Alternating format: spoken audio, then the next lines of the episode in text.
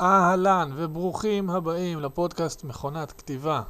אני אורי נחטיילר ויחד איתי הצטרפו בכל פרק אורחת או אורח לשיחה כנה ומעמיקה על חוויות, על תובנות, על גישות ועל תהליך היצירה וכל האתגרים השונים שהם חלק אינטגרלי ממלאכת הכתיבה. ננסה להבין ולגלות את הטריקים והטכניקות של האורחים שלנו ליצירת סיפורים ודמויות מרתקות. נשמע טיפים מכל קצוות קשת הכותבים, סופרים ומשוררות, בלוגריות ותסריטאיות, כותבי תוכן ועיתונאים. הפודקאסט הזה הוא חלק מהמסע שלי לכתיבת ספר הפרוזה הראשון, ואני מזמין אתכם ואתכן להצטרף אליי ולאורחים השונים ל-40 דקות או פחות שבהן נחגוג את קסם המילה הכתובה.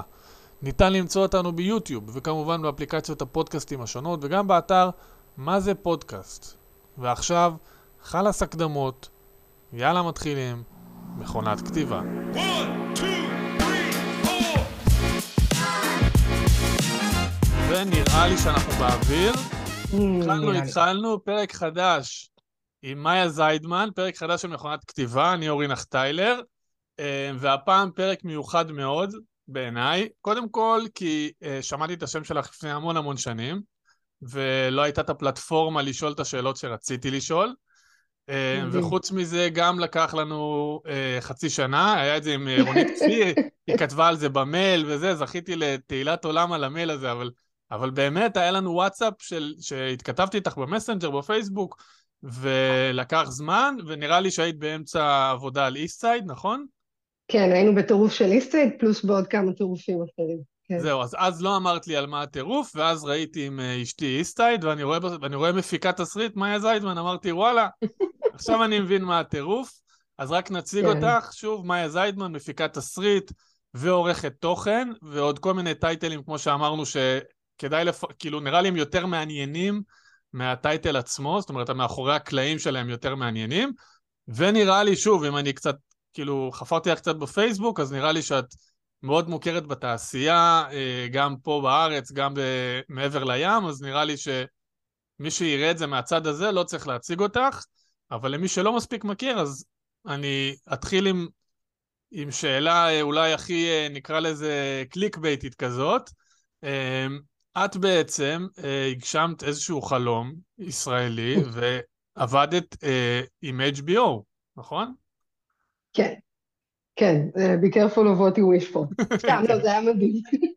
לא, אז באמת, כאילו, אני חושבת שהתפקיד הראשון המשמעותי שלי בתעשייה, וזה אולי הגשמת חלום האמיתית, כי בסוף איכשהו אפשר להגיע לדברים האלה, בטח שהיום כשהכל נורא פתוח ויש כאילו פלטפורמות אה, מ-HBO דרך נטפליקס ופלטפורמות אחרות כן נגישות גם ליוצרים ישראלים, זה היה ב-2016, זה היה די בהתחלה, וזה היה עם, עם, עם כאילו שלושה יוצרים.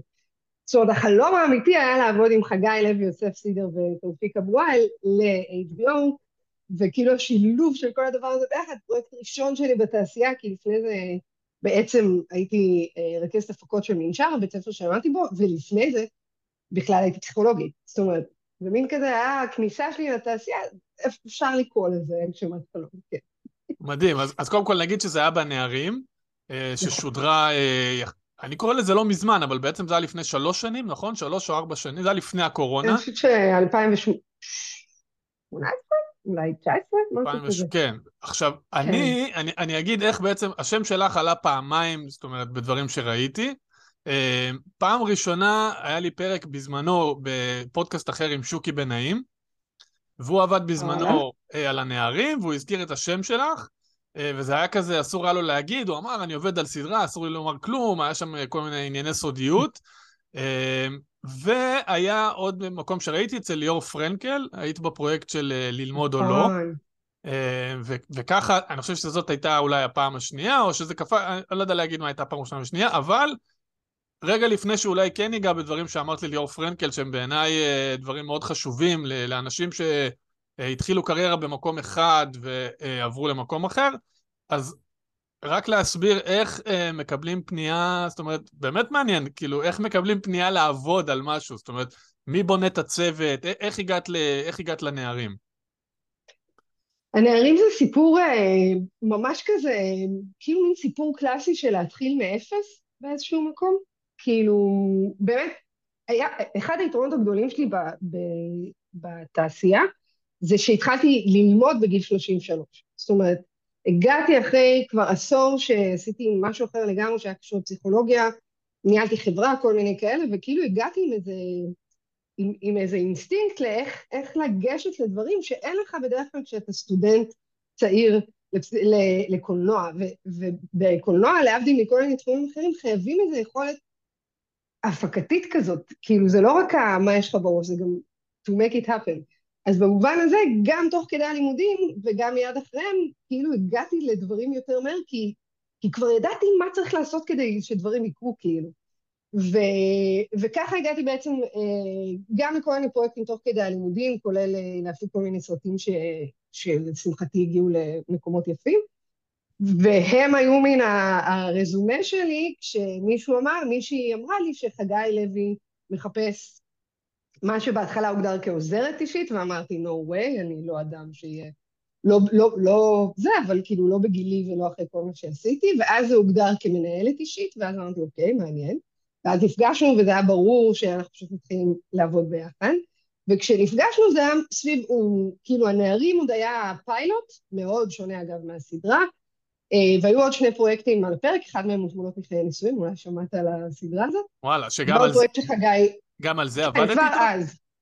אז, אז זה היה יותר בסוף, ורוב העבודה על תמונות מחיי נישואים לא הייתה כשהייתי בתמונה כבר, אבל כן אה, זכיתי אה, גם לקרוא פרק ראשון וגם להגיד את דעתי המאוד בטוחה לגבי איך, איך צריך להיראות עיבוד לתמונות מחיי נישואין. סדרה מסחררת, כן, צריך לומר, זאת אומרת, מהזווית... סדרה מדהימה, גאונית. כן, אם אני יכול לומר משהו על זה, כאילו, זה, וגם נראה לי עבודה חד פעמית, זאת אומרת, כל, ה, כל מה שקורה שם זה מאוד ייחודי לסדרה, נכון? זאת אומרת... אה, נכון. בהרבה רמות, אבל שוב, מבחינתי, רוב הנגיעה שלי בתמונות מחיי נישואין הייתה להביע את דעתי, לא בהכרח לעבוד, זאת אומרת, תוך כדי השנים ש, של הנערים גם uh, היו הרבה צפיות ושיחות על, על הסדרה, כי זה כבר היה ברקע, ופשוט אמרתי כל מה שאני חושבת שזה משהו שאני יודעת לעשות מאוד טוב, להגיד מה אני חושבת, ולהגיד שזה השפיע, לא יודעת, צריך לדבר עם חגי על זה, לא, לא איתי, אבל כן, זאת אומרת, על הפרק היו הנערים, תמונות מחיי נישואין, ועוד פרויקט של חגי שאני חושבת שכולם יודעים ש, שהוא עובד עליו, אבל למקרה שלא אז אני לא אגיד. אה, וזה היה, אני חושבת כזה, בתחילת יוני 2016, והוא אמר לי, טוב, אני רק נוסע שנייה ל-LA לשמוע מה ה-HBO חושבים על, אה, על הסדרה, ואני אחזור ונדבר, כאילו, ובשנייה שהוא חזר הוא אמר לי, טוב, אנחנו בצרות, קיבלנו הפקה. כאילו, ותוך שנייה, באמת, הרבה יותר ממה ששנינו דמיינו מי מנהלת אישית, זה נהיה מין, אני כל כולי בתוך החדר כתיבה של, של הנערים, ו, ובדיעבד המצאנו לזה את השם הזה, תמיד אומרת שהמצאתי מקצוע, אה, המצאנו את השם הזה של המפיקת תסריט. אה, זאת אומרת, זה לא, זה לא שם מקובל, ש... כאילו, באמת לא נתקלתי בו, אבל זה לא שם מקובל? אז מאז זה נהיה, וכן ראינו, זאת אומרת, אני חושבת שכשחיפשתי מה זה הדבר הזה, אז כן חיפשנו דברים ב-IMDb ומצאנו אה, כאלה, כאלה קרדיטים, אבל זה לא איזה משהו, נגיד, אפילו אה, אנקדוטה מצחיקה, כשניסיתי להירשם לאקדמיה לקולנוע, אה, מה זה ניסיתי? פעם שנייה גם הצלחתי, אבל אני, האקדמיה היחידה שלא קיבלו, לא קיבלו אותי אליה מימיי זה אה, האקדמיה לקולנוע, מאוד מאוד מצחיק הסיפור הזה. אז כתבתי שאני מפיקה תסריט, שזה מה שעשיתי בנערים, וזה מה שעשיתי אחר כך בעוד שתי סדרות, במנגן ושר ובאיסטסייד, וכתבו לי לשאול אותי מה זה מפיקת תסריט, כי זה באמת לא משהו מוכר. אה, מצד שני, זה הדבר הכי נחוץ, כל פעם שאני מסבירה מה אני עושה, עיניים של יוצרים, מפיקים, גופי שידור נפתחים ואומרים, איך לא עושים את זה בכל סדרה. וואלה, ויש ביקוש כאילו, אה, אה, כאילו היום במאים יודעים שיש את המושג הזה, זאת אומרת, את שומעת יותר שמחפשים את, ה, את הטייטל הזה, כאילו את העבודה כן, גם יש, לא, לא תמיד יקראו לזה מפיקת תסריט, אבל יש צורך אז, כשזה יותר מכותב אחד, גם כשזה כותב אחד, אבל בדרך כלל כשזה יותר מכותב סלש יוצר, סלש כותבת סלש יוצרת אחד, אה, יש צורך אז במישהו שיחזיק את כל הדבר הזה, גם תוכנית וגם הפקתית. ויש מעט אנשים שיודעים לעשות את החיבור הזה, אבל אם יש אותם בסביבה, אז גם אם לא יקראו לזה מפיקת תסריט, זה, זה תפקיד מאוד חשוב, ובאמת חגי הביא את זה בכלל מה, מ, בטיפול. בטיפול היו מלא כותבים, והייתה שם אה, מישהי שפשוט ריכזה את העבודה של כולם. אז התחלנו מרכזת חדר כותבים, אבל ככל שהתקדמנו בעבודה, ואני הייתי מאוד מאוד מעורבת בכל הצדדים של ההפקה, כולל הייתי על הסט, כולל הייתי אשת קשר של uh, הרבה מאנשי ההפקה, ארט, הלבשה, תחקיר, וידאוים וכולי, uh, אז מין כזה קצת הרחבנו את זה למפיקת תסריט, שזה בעצם סוג של עוזרת במאי של תהליך הכתיבה. זאת אומרת, זה לגרום לתהליך הכתיבה uh, לקרות לאורך כל השלבים, מפרה-פרודקשן דרך uh, הפקה עצמה. באיזושהי רמה גם הייתי מעורבת בפוסט, כי את גם רוצה להיות uh, מעורבת ב... לראות איך הסיפור יצא בסוף, אחרי שליווית אותו. אז, אז זה כל זה בנערים, נכון? כן, זה בעצם קרה גם בשתי הסדרות האחרות, שוב, בכל סדרה עם, עם, עם כזה, דגשים קצת אחרים מבחינת מה עשיתי יותר ומה עשיתי פחות, אבל uh, אני חושבת שהאיכות של הנערים היה כמות הכותבים סביב השולחן. Uh, שנגיד גם במנגן ושר, שזו סדרה יס שסיימנו לפני, אני חושבת שהייתה ב-2021, וגם באיסטד שיצאה עכשיו, היו יחסית מעט כותבים, זאת אומרת, אה, באיצד יש את יעל, היא היוצרת, ואת יוסי שיצר איתה, אה, והיו עוד כזה נגיעות של כותבים אחרים, ובמנגן ושר מתישהו נהייתה תסריטאית ראשית אחת. אה, זה היה אחרת לגמרי בנערים, בכל מובן. כי זה קצת ההבדל בין הארץ לבין, כאילו בין העבודה בארץ לבין העבודה בחו"ל, נכון? זאת אומרת, כמות הכותבים. כן, למרות שגם בנערים זה לא, כאילו בסופו של דבר, לפעמים אני חושבת על זה סתם, אנחנו אני וחבריי אה, אה, מהמקצוע, כל פעם שאנחנו מדברים על היורשים, כאיזה סדרת אה, מה זה הדבר הזה ולמה לכתוב אחרי שכתבו אותה, אני דווקא, אני, אני בפרק השני של העונה הראשונה, כבר מנסה בפעם השנייה, וכאילו, אולי ההתחלה היא, היא יותר קשה, אז, אז אני... אז אני, אני אפציר בך ובכל הצופים לתת לזה צ'אנס עד פרק 4-5. אני בפרק 5, היה איזה סצנה אחת שכאילו נפסתי אחרי, אני חושבת שהעונה השנייה והשלישית, בעיקר השנייה, הרבה יותר טובה, ואני כרגע בעונה הרביעית יש, יש שיאים, כאילו שוב, לא שאין נפילות, יש שיאים שאני לא יכולה לעמוד בהם, ואני אומרת את כל זה כי כשאנחנו מדברים על, על היורשים, אנחנו אומרים, אוקיי, זה גם כישרון אינסופי של שחקנים, של כותבים, של בימוי, אבל זה גם הפריבילגיה האמריקאית שאיקס כותבים יושבים בחדר וכותבים ביחד. זה גם, גם הנערים בסוף לא ממש נכתבה ככה, זאת אומרת, היה לנו את הפריבילגיה של לכל פרק יש את הכותב אה, שלו, באתי להגיד כותב סלש כותבת, אבל זה כולם היו כותבים, אה, ו, ויש תהליך כתיבה שלהם שמובל על ידי כותב אחד, ואז יש את אה, חגי למעלה ואת יוסף ותאופיק ש, שמריצים את, ה, את האינפוט שלהם לאורך כל, ה, לאורך כל הסדרה. וזה תהליך אחר מכל תהליך שהכר, והוא כן קשור לפריבילגיה של גם של HBO וגם של היוצרים הספציפיים האלה, שבאמת כאילו, הם ממש טובים בעבודה שלהם, וממש כאילו מלא אנשים רוצים לעבוד איתם, ו- וכאילו, זה יתאפשר. וזה מתודה שהייתה, זאת אומרת, ש, שנלקחה, אה, זאת אומרת, העבודה עם HBO היא הייתה, נקרא לזה, בסטנדרטים של HBO, כי אני יודע למשל ש... מן הסתם, התעשייה בארץ, יש לה את החסרונות שלה, בגלל אה, היקף תקציב, אבל גם יש כן. יתרון, אנחנו מכירים את זה מהישראלים, החוצפה, המהירות, ה... כאילו, אולי הפחות יסודיות זה לפעמים אפילו יותר טוב, כל מיני דברים כאלה. זה היה כאילו HBO רצתה שזה, שזאת תהיה עבודה בסטנדרטים שלה, או שבעצם עשיתם איזשהו מיקס כזה? קודם כל זה היה מיקס, בסופו של דבר ההפקה הייתה מיקס. גם מבחינת אה, תקציב זה ממש לא תקציב של HBO, אבל זה גם ממש לא תקציב של הארץ, כאילו זה איזה מין אה, בין לבין כזה ש...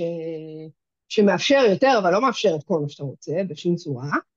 לא נכנס למספרים כי אני לא יודעת אותם, אבל כאילו הרגשתי את, ה... את הסטינג ואת העבודה לפני וכולי. אמ, ו... וברמת הסטנדרטים, אני חייבת להגיד, אין דבר כזה בארץ, יאללה יאללה. זאת אומרת, יש המון אה, חוצפה והמון, אבל אני לא מכירה, והייתי לא מעט סטים, אני לא מכירה חוסר פרפקציוניזם. הפרפקציוניזם פה הוא, הוא מדהים, פשוט אומר שכולם עובדים יותר קשה ופחות כסף. זה ההבדל האמיתי בינינו לבין כל ארץ אחרת. וכאילו עניין הקרוונים, אני כאילו נותן לזה כאילו מעין שם כזה, עניין הקרוונים, זאת אומרת בסוף כולם יושבים ביחד, יש, יש לזה איזשהו צד אחר ש, של, אה, כאילו, זה לא רק התקציב, זה גם צורת העבודה היא כזאת, שבעצם כולם כל הזמן על הפיילה, כאילו. לגמרי. יש לזה חסרונות, אבל אני חושבת שיש לזה בעיקר יתרונות.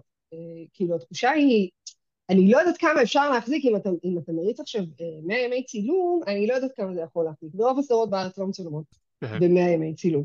אבל yeah, אני חושבת שההבדל העיקרי, אני שנייה אחזור לשאלה שלך, HBO בעיקר נתנו ליוצרים אה, יד חופשית וקראו. הדרישות שלהם היו, ובזה אני פחות מעורבת, היו ברמת ההפקה מבחינת אה, כל מיני דרישות אה, טכניות שאני פחות מבינה בהן, ושם היה, הייתה הקפדה מאוד מאוד ברורה. אה, אבל, אבל ברמת הכתיבה הם, הם קראו, הם העירו, הם העירו הכי מקצועי, הערות הכי מדהימות ששמעתי בחיים, כאילו, כזה נורא לא להציק, ונורא רק להגיד את הדברים שמעסיקים אותם, ולהגיד את זה עם המון המון חופש פעולה ליוצרים, שזה מעורר המון כבוד בעיניי. אמ, ואני חושבת שבאיזשהו מקום מראש ההחלטה שלהם לעבוד עם, עם האנשים שהם עבדו איתם הייתה במין ידיעה שאנחנו לא צריכים לדאוג מבחינת סטנדרט. כן. ומבחינת תהליך הכתיבה זה בעיקר, אני חושבת שההבדל העיקרי הוא, וזה בטח חגי יכולה יותר יותר טוב ממני, אמ, בדרך כלל תהליך כתיבה בסדרה אמריקאית הוא, יש איקס חודשים, באיקס חודשים האלה כותבים, לא משנה מה יצא בסוף האיקס חודשים האלה, את זה מצלמים. רוצה לשפר, תשפר תוך כדי, אה, תעיר הערות לשחקן כאילו בצד. אה, ואצלנו לקחנו את הזמן, כי כאילו הייתה, היה ברור שאם עושים את הסדרה הזאת, אז עושים אותה על הצד הטוב ביותר. אי אפשר בסדרה כזאת לחפף, יש פה אחריות מאוד מאוד גדולה, מאוד מאוד גדולה, כלפי כל מי שמעורבים בדבר, ואם זה אומר שצריך לקחת יותר זמן, אז לוקחים יותר זמן. אה, ובמובן הזה אני חושבת שכאילו היה הרבה כבוד לזה מתוך הכבוד לסיפור שהוחלט לספר, ואני כן אגיד, אני לא אכנס לזה לעומק, אבל אני כן אגיד שזה לא הסיפור ש-HBO חשבו בהתחלה שיסופר. היה שם, אה, היה שם shift מאוד גדול בין הפיילוט שהוגש ובעקבותיו אה, הייתה הפקה, לבין uh, הסיפור שסופר בסוף. זה גם לא הסיפור שחגי כאילו חשב בהתחלה? אף אחד, היה איזה רגע מאוד ספציפי שבו, זאת אומרת, הסיפור של החטיפה והרצח של מוחמד אבו uh, היה אמור להיות חלק. תמיד. ולכן הגענו לחומרי התחקיר המדהימים שהגענו אליהם, שאגב, זאת הייתה העבודה הכי מדהימה והכי שונה שלי אה, מבין כל הפרויקטים שעשיתי. היה לנו תחקיר בהיקף של, אני אדבר במונחים כאילו אה, של אינטרנט, של, של מאות ג'יגה בגוגל דרייב, גם של חומרים ויזואליים, גם של אה, סריקות של, אתה יודע, קלסרים של עורכי דין, עדויות, היה לנו הכל. ו- ובתוך המקום הזה, אה, כשראינו את השחזור של מי שמוגדר, אה, אה, שמי שאדם גבי משחק, אני במיוחד לא אומרת את השם כי אני מתבלבל תמיד בין השם האמיתי לשם שלו בסדרה, ואני לא רוצה לפלוט את השם האמיתי, אבל של, של אדם, כשראינו את, ה, את השחזור שלו, היה איזה שקט בחדר. ואחריו הייתה הבנה שצריך לשנות את הפרספקטיבה של הסיפור, ולספר בעצם את הסיפור הזה. אה, אז במובן הזה אף אחד לא התכוון שזה בדיוק יהיה הסיפור, ו... וזה קרה, זה פשוט uh, התגלגל לשם מתוך החומרים, מתוך, מתוך האמת הקשוחה של הסיפור הזה. אני כן אגיד בהערת ביניים, ש... שכאילו אני מגיע, אה, שוב, בקווים גסים, מציבור שהיה לו מאוד קשה עם הסדרה, ואני, שהתעקשתי ממש לראות אותה, זאת אומרת, אה, לעבור את הפרק הראשון שהוא עלה, היה יותר כאילו על מה שכעסו כביכול. כן. ואני זוכר שכתבתי גם לשוקי, לשוקי בן נעים, שאמרתי לו שאני משכ... מנסה לשכנע אנשים לראות, כי בעיניי בדיוק היה את uh, צ'רנוביל uh, במקביל או, או קצת לפני. כן, די, ואמר... די באותו אזור נראה אמרתי לאנשים, זה הצ'רנוביל של ישראל, זאת אומרת, אתם כאילו, אל, אל תעצמו עיניים. זה בכלל לא קשור לימין או שמאל, זה קשור למאחורי קלעים של, של אה, מערכות מאוד מאוד גדולות מאיתנו, כאילו. אז, אז זה למי שהגיע לכאן ואולי כאילו יש לו קצת אה, רתיעה מהסדרה, אז, אז אני אגיד שאני מאוד בצד של הסדרה. כן, יש לי את שאלת ריאל מדריד, זאת אומרת, זה תמיד, אתה אומר, אני צובט את עצמי, זה, אני בחדר הלבשה של ריאל מדריד, אבל בסוף יש לחץ מאוד גדול. זאת אומרת, האם, האם זה מתבטא גם ברמת הציפיות היא מאוד גבוהה, ומן הסתם, אתה צריך, לא יודע, אולי צריכה חופש מאוד ארוך אחרי דבר כזה, או איך מתפקדים כאילו... תשמע, אני, אני הייתי בתוך uh, הסדרה הזאת מ-2016 עד 2019 כמעט. זאת אומרת, שלוש שנים של כאילו עבודה. זה קריירה. זה, לא, זה, זה, זה לא זה... קורה. כן, זה, זה לא קורה. עם כל היתרונות המדהימים של לפתוח את הקריירה שלי כמפיקת תסריט בסדרה הזאת, עם היוצרים האלה ועם עוד הרבה אנשים שלא ציינתי, כמו שוקי וכמו נוח סטולמן, ש, שהתחיל את הסדרה, ו, וכמו עוד הרבה כותבים ו, ומפיקים, וכאילו זו סדרה באמת נבחרת, נבחרת שלא למדתי מלא כל הזמן, ועד היום כשפוגשים מישהו שהיה קשור לנערים, כשאת פוגשת אותו ברחוב, זה מין כמו שאכלנו מאותו מסטינג כזה, כאילו כמו שעכשיו אה, תחליף אה, אה, חוויות מהקרב, זה כזה. לטוב ולרע זו הייתה חוויה סופר סופר סופר אינטנסיבית, שכולנו יצאנו ממנה מצולקים, לא רק כמובן, שוב, אני לא אומרת את זה כן. כמשהו רע, אבל כולנו יצאנו ממנה עם, עם שריטות עמוקות. גם כי זה היה מאוד ארוך, גם כי החומרים שעסקנו בהם, אולי לפני הכל, החומרים שעסקנו בהם היו כמעט בלתי אפשריים למגע יומיומי איתם, ו... וגם כי הפיצוח של איך מספרים את זה דרש מאיתנו המון המון עבודה שלא נגמרה בתסריט. זאת אומרת, היא הגיעה גם לסט, והיא הגיעה גם לבימוי, וגם לעבודה של השחקנים, וכל מיני דברים ששוב, כבר הייתי די כעדה מהצד, אה, מאוד מעורבת, אבל אה, לא משפיעה. וזה פשוט היה תהליך ש... גם הסטנדרטים שכולם הציבו לעצמם, וגם התחושה שזה הולך להיות ב-HBO, וגם התחושה ש... שוב, שיש פה אחריות על, על סיפורים אנושיים, שאני מבינה את כל מי שכעס, אבל אני גם מאוד מקווה שהוא ימשיך מעבר לפרק הראשון, אה, בשביל להבין שזה בכלל לא מה שאנחנו מנסים לספר, אה, ש, שמאוד הותיר חותם, ולגמרי אחרי זה הייתי בחופש כמה. זה היה כמעט בלתי אפשרי אה, לנשום, רגע, היה צורך לנשום, זה גם שלוש שנים שהעבודה על התעשייה. כן, זה... וואו, שלוש שנים זה, זה באמת, זה, היום לא, לא עובדים שלוש שנים באותו מקום. כן, אני כמובן אומרת שלוש שנים, הכל כולל הכל, והיו השלמות, וגם הצילומים עצמם היו בכמה סשנים, זה לא שהכל צולם בבת אחת, ואת הכתיבה בין לבין. זאת אומרת, זה היה תהליך מאוד מאוד ארוך. אה, יותר ארוך ממה שאני חושבת שבדרך כלל מכירים בתעשייה. אז אני רק אסכם בשאלה האחרונה בנושא הזה, כי יש המון מה לדבר איתך, וכאילו אני אומר, אני תמיד מזכיר איזה מתכונת זום של 40 אה, דקות, גם כדי כן. להשאיר טעם של עוד, אבל זה באמת תמיד, תמיד גורם לי אה, לרצות עוד פרק, אז, אז נראה לי זה, זה, זה, זה טוב, זה מאפשר גם לצדדים קצת להרחיב את הידע שלהם, אבל כן מעניין אותי, למשל, אני פעם ראיתי סרטון כזה, את יודעת, במהירות כזה של וידאו, ש... של אה, חדר כותבים של שובר שורות, בזמנו, כשהיה כזה באז סביב הסדרה, נראה לי סביב העונה החמישית, אז הראו איך הם, איך הם עובדים, איך הם כל... בפועל פה זה היה טיפה שונה, נכון? זאת אומרת, זה לא היה חדר כן. שכולם יושבים ביחד ומפצחים ו... אז היה, היה שלב כזה, היה שלב, גם היו כאילו, היה שלב כזה שהיינו, אני לא זוכרת כמה שבועות זה, כבר היה מזמן, אז אני לא יודעת להגיד זמנים, שהיינו נפגשים כל בוקר, כל מיני אנשים שלא כולם המשיכו ממש לכתוב פרקים, אבל כן היו אה, חלק מתהליך הפיתוח והפיצוח. זה עוד לפני שהתקבלה החלטה שבעצם זה הסיפור של, אה, של התגלגלות של, אה, של הרצח. ו, ונפגשנו כל יום, ודיברנו, ובדקנו אופציות, ובדקנו איך הסיפור יכול להתפתח, זאת אומרת, היה ממש כזה. למה צחקתי? כי זה היה מין השלב שבו בתעשייה התחילו לרחל שיש ארוחות בוקר מטורפות בחדר כותבים הזה של HBO, שאני עמדתי כל יום רבע שעה לפני וחתכתי ירקות כמו איזה, אתה יודע, במין כזה, רק שיהיה להם כיף, רק שיהיה להם כיף, כאילו היה לנו חשוב שזה כאילו יעבור כמו שצריך, אבל זה לא היה סטנדרטים של HBO בשום צורה.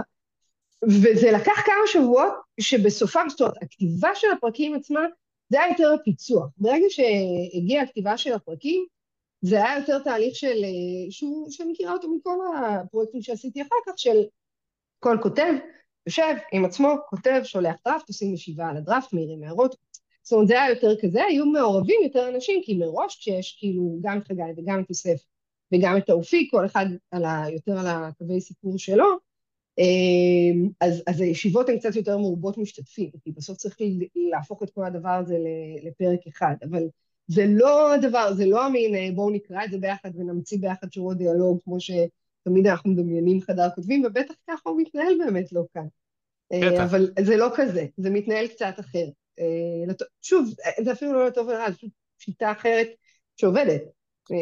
זה שיטה אחרת שגם קיימת למשל מעבר לים, או שזה באמת כאילו מין, פה זה לא יעבוד, זה לא המשמעת, כאילו זו, זאת משמעת אחרת, זו יצירתיות אחרת? זה גם תפיסה אחרת של תהליך. אני עכשיו סליחה, זה יישמע נורא, אני עכשיו כותבת סדרה באירופה, אה, אבל יש, יש סדרה ש, שאני עובדת עליה עם, אה, עם אורי סיוון, אה, כל יוצרי בטיפול ואני, ו, ואנחנו כותבים אותה לגרמניה, זאת אומרת, היא כרגע יש לה מפיקים גרמניים, ו, והתהליך כתיבה הוא איתם, והוא הרבה יותר דומה למה שקורה בארץ, כי יש איזו תפיסה יותר אוטרית, גם בארץ וגם, וגם באירופה, התפיסה היא ש, שבסוף צריך להיות יוצר אחד ש, שאמון על היצירה ולכתוב אותה, וכן, אפשר שיהיו כותבים בדרך לפרק או לליין או, ל, או, או לעזרה רגע של פיצוח, שזה משהו שקורה כמעט בכל סדרה ש, שאני מכירה, אבל כאילו יש את הבן אדם האחד או השניים שמחזיקים את זה, וזו התפיסה גם כאן. התפיסה האמריקאית היא, היא, היא מאוד מאוד שונה, גם אם יש בסוף שואו ראנר, כאילו ברור שהנמלים הפועלות הן, הן כאילו מלא אנשים, וזה פחות עובד כאן, כאילו מבחינת תפיסה של תהליך, כי גם באנו מקולנוע קודם, ובקולנוע זה יותר ככה. זו התפיסה שלי לפחות ללמה זה. מעניין. זאת אומרת, יש פה כל מיני ניואנסים ש, שנראה לי גם תוך כדי תנועה, אולי אה, לא, לא יצא לי, ה... אין לי את השאלות הנכונות, אבל בגלל שזמננו כזה קצר, אז אני... כן, כן. כן רוצה כזה, לפני שאנחנו קופצים לאיסטייד, שדרך אגב, יעל היא אחות של חבר מאוד טוב שלי, למעשה שידכתי אותו אפילו. הוא שידוך שלי אה, לאשתו, ו... אבל היא, היא, אני מבין שהיא כרגע סרבנית אה, ראיונות, אה, אז, אז אה, אולי ביום מן הימים היא כן תסכים. אה, כן. אבל אתה, בעצם מה שאת עברת, וזה מעניין, כי לא, לא ראיתי את זה ככה, זאת אומרת שאת אומרת, הגעתי דווקא לתעשייה אה, לא הייתי אומר בגיל, כאילו הגעת בשלה באופן אחר מאדם שאולי מאוד. מתרוצץ בתוך הגלגל, וכאילו בסוף לא מגיע למקום, ה... אולי מגיע למקום הנכון אחרי הרבה שנים, אבל זה לוקח לו יותר קשה. אז אולי ככה תספרי בעצם אה, איך בכלל הגעת לקולנוע, כי קודם כל אמרת שזה בגיל 33, שזה זה, זה גיל אה, מאוד, מאוד צעיר נקרא לזה ומאוד מדהים, אבל, אבל כאילו בשביל בן אדם שלא יודע, התחיל ללמוד בגיל 23, בתעשייה זה בטח נשמע כבר ותיק מאוד, וגם כן. מפסיכולוגיה בעצם, זאת אומרת, אפילו לא עשית איזשהו מעבר, לא יודע, מספרות, לכ... כאילו, אז, אז מה, כן. מה היה שם? אה, מה היה שם? אני תמיד, כאילו פעם נהגתי לומר שזה לא מ...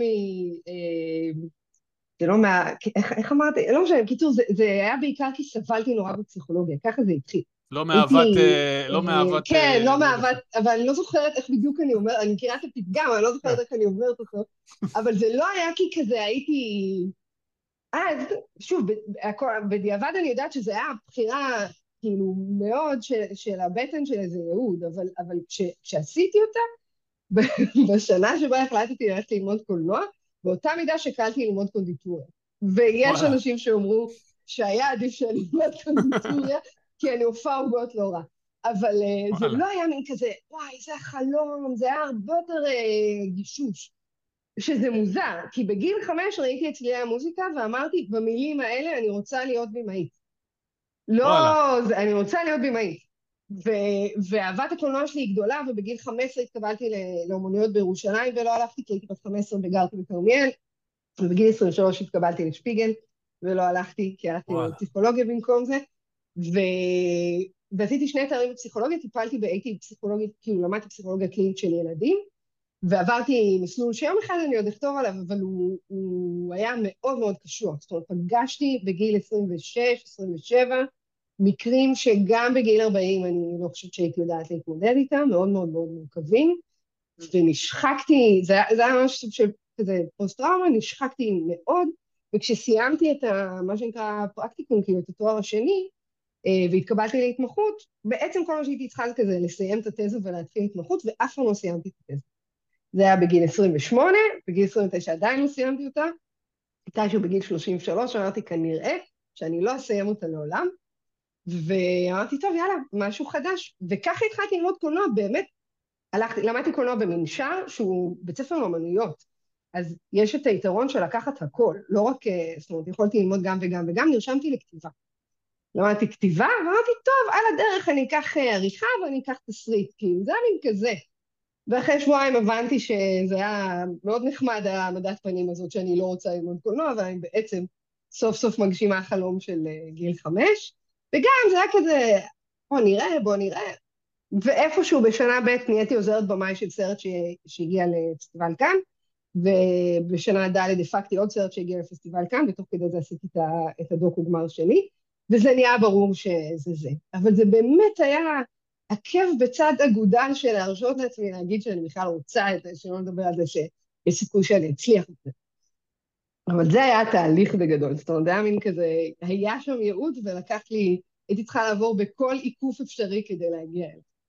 וכשזה קרה, כאילו, תעשיית הקולנוע עכשיו מקבלת המון, אה, המון באז, בעיקר סדרות, אולי יותר מקולנוע בעבר, וגם יש כן. סוגי אקזיטים כאלה, אולי פאודה, אולי בטיפול בטח זה האבא והאימא של כל האקזיטים, אבל כאילו... נכון. יש היום יותר הבנה, העולם יותר, הוא כפר גלובלי קטן וזה. בתקופה ההיא גם היה את הגאוות. גאוות הסדרות והקולנוע, שבכלל כאילו לא, הלכת למקום שאנשים אמרו, מה, כאילו, איזה מין מעבר זה? זה היה, גם כאילו היה לי מקצוע, כאילו כשהתחלתי ללמוד, אה, ניהלתי חברת הדרכה, הייתי, אף אחד לא חשב ש... כאילו זה היה תחביב, אף אחד לא חשב שאני אלך לעבוד בקולנוע. כשהתחלתי את התהליך הזה, כולל אותי אגב. כאילו, תוך כדי, ה... תוך כדי הניהול עדיין למדת? כן, ואחרי שנתיים אה, מי שהיה שותף שלי אז, והבעלים של החברה אמר לי, נראה לי שאת כבר לא איתנו. יש סיכוי שאתה צודק. וכך, וכך סיימתי uh, את תפקידי בחברה המהממת הזאת שלימדה אותי כל מה שאני יודעת, uh, אז כאילו, אני ממש שמחה שעברתי דרך שם, כי שם למדתי הפקה בעצם, ולשם למדתי לספר סיפור, כי כשאת צריכה ללמד חמש שעות של סטטיסטיקה ושיטות מחקר uh, לפסיכולוגים, אם את לא יודעת לספר סיפור, את לא תצליחי לעשות, כאילו, זה היה, זה היה, אני חושבת שזה היה המעבר הטבעי מבחינתי. אה, אבל אה, זה לא, לא הייתה בי תחושה שאני הולכת, לא ידעתי, לא דמיינתי שאני הולכת לעשות אה, סרטים שלי ושאני הולכת לעבוד עם, עם יוצרים גדולים, זה בכלל לא היה, זה פשוט היה באמת, בוא נראה אם אני אוהבת את זה, מה אני אוהבת בתוך זה, ונתחיל להתנסות. זה ממש היה כזה. ואם אני צריך לקשר כאילו בין השלבים האלה, אז, אז ראיתי איזשהו פוסט שכתבת בפייסבוק של, על, איסט ודיברת על העבודה, שוב, איסטייד הייתה עכשיו בכאן 11, אה, נכון. עם יהודה לוי כמובן, בתור אה, מומי ו- וכל הדבר הזה, גם יצא שבאמת היה סדרה במקביל של... אכן. אני, אני חושב שזה גם דחף אחד, אחד את השנייה, אני לא יודע, מעניין, מעניין מהזווית שלך, אבל אני כן יכול להגיד לך שיש לי חבר שראה את איסטייד, וכל הזמן הוא אמר לאשתו, איפה רותם סלע? אמרו שרותם סלע אמורה להופיע מתישהו. ובפרק העשירי אמרה לו, נראה לי זה הפרק האחרון, היא כבר לא תגיע לכאן. היא כבר לא תגיע. אז הוא שאל אותי איפה היא, אמרתי, זה בסדרה מקבילה באמת, אבל כן. דיברת על זה שאת, כאילו, שכל העבודה הייתה סביב אנשים, שוב, גם שם יש דיבור על ימין ועל שמאל, ויש שם התעסקות בכל מיני גוונים. בכלל זו סדרה קצת ירושלמית כזאת, אז תמיד ירושלמי זה יותר טעון, כאילו, אני אומר את זה בתור ירושלמי כן. בעצמי, ו- אבל אמרת שזה עניין של אנשים, אז, אז כן יש איזשהו קשר בין אולי הפסיכולוגיה לבין, לבין העיסוק הנוכחי שלך, זאת אומרת, אם, אם צריך להכניס את זה גם לאינסייט, כי יש, יש שם פינות, אם אני קצת יורד לרזולוציות, אה, נגיד למשל פרק חמש, שהוא דובר גם ברשתות, הוא פרק מסחרר, הפרק. מהמם, הוא, כן. הוא, הוא איטי, הוא לא, הוא לא מסחרר מבחינת העריצה שלו, אבל מדהים כאילו לקחת דמות שאולי בעיניים שלנו היא יכולה להיות מאוד, אה, יש לנו הרבה ביקורת עליה, או חוסר הבנה, ואתה רואה, רואה שם סיפור מאוד מאוד מורכב שלו, אני לא אגלה למי שלא, למי שלא ראה. זה חזרה ליוון, זאת אומרת, זה פרק שהיה ביוון. אה, אז סתם מעניין אותי גם איך כאילו התגלגלת לאיסטייד, זאת אומרת, אם זה כבר באו ואמרו בואי תהיי מפיקת תסריט, כי אני מבין שעשית שם כאילו הכל מהכל. כן. אה, אז קודם כל, אה, חשוב להגיד, אחרי, אחרי הנערים, ואגב, בזכות שוקי, התחלתי לעבוד אה, בתור אה, סוג של, מה זה סוג של, נהייתי מנהלת פיתוח במחלקת דרמה של אבו תמירי ברקאי, שזה בעצם דקלה ברקאי שעשתה את שטיסל ועשתה עוד כמה סדרות מעט, כמובן את איסטייד ואת מנגן ושר, שבשתיהן, אז, אז בעצם היה לי כובע כפול כזה, שבו גם עבדתי מאוד לעומק בכתיבה, לא, בכתיבה של הגשות, בעבודה, בעיקר בעבודה עם יוצרים על פיתוח של הגשות, על פיתוח, פיתוח של פיילוטים, זה היה כזה מסלול אחד, ובתוך זה היה לי קודם את מנגן ושר, ואז את איסטייט, שהייתה גם חטפה ביניהם, שבעצם עבדתי עם היוצרים אה, כמפיקת תסריט. אה, ובמובן הזה אני חושבת שהפסיכולוגיה הכי באה, בכל התפקידים האלה, הפסיכולוגיה הכי באה לידי ביטוי בהתממשקות עם אנשים.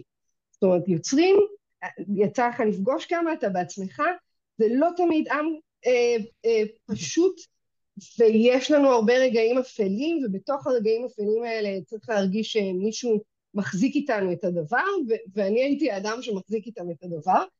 אה, אמ, וזה, ובמובן הזה, ואני אומרת את זה באהבה גדולה, זה, זה כאילו להיות שם בשביל יצירה של, של מישהו אחר, ו, ולה, ולהגיע לזה היה מין, גם, גם דקלה כשהיא התקשרה, היא לא ידעה בדיוק מה זה אומר להיות מפיקת תסריט, אבל מהר מאוד היא הבינה שזה בעצם להחזיק ביחד את הדבר, ו- ובמובן הזה זה נהיה מין אה, המסע שלי בעין, בתוך העולם הזה של, של הטלוויזיה, של מגיעים יוצרים ואנחנו שנייה מבינים ביחד מה זה, וכל הזמן ממשיכים לפענח מה זה, ואני שם כאילו כדי כזה לתת את הדחיפה מאחור, או לפעמים להחזיק במקום, שרגע מאבדים את זה וכאלה.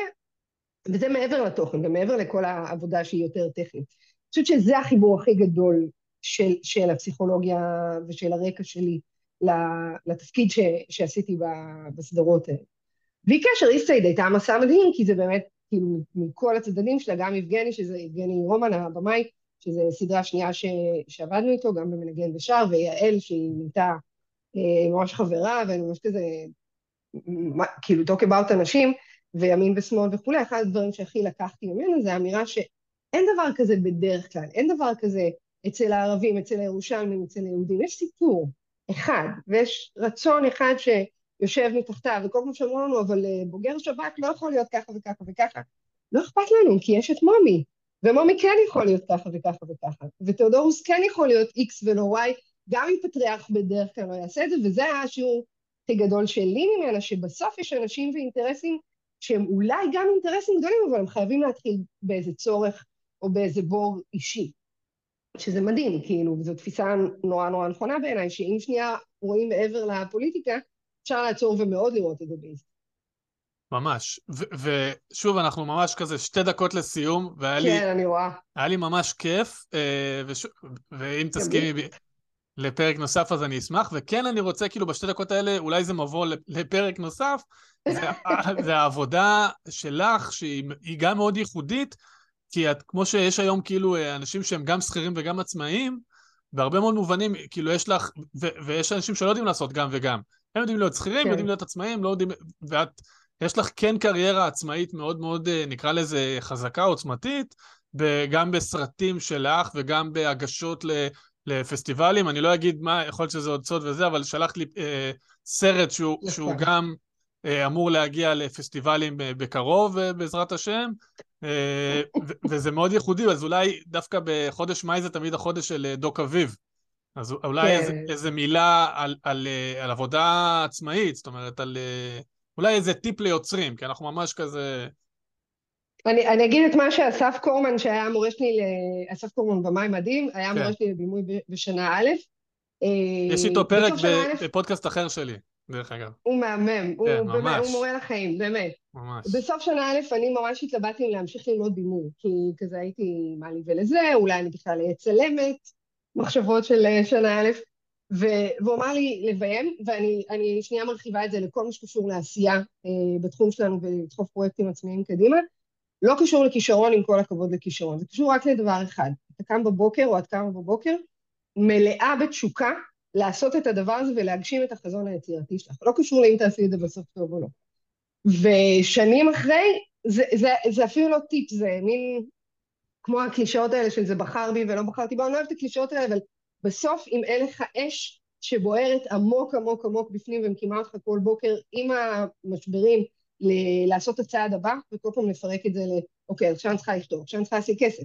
או שאני אשיג אותו עצמאית או שלא. אני אגיש, אגיש, אגיש, אגיש, אם אני לא אגיש אז אני בסוף אשיג את הכסף איכשהו אחרת. זאת אומרת, לפרק את זה וכל פעם לדחוף את הצעד הבא, וזה קורה רק בפרויקטים שהם של הלב. כאילו, זה לא סתם שזה קרה רק בשלושה פרויקטים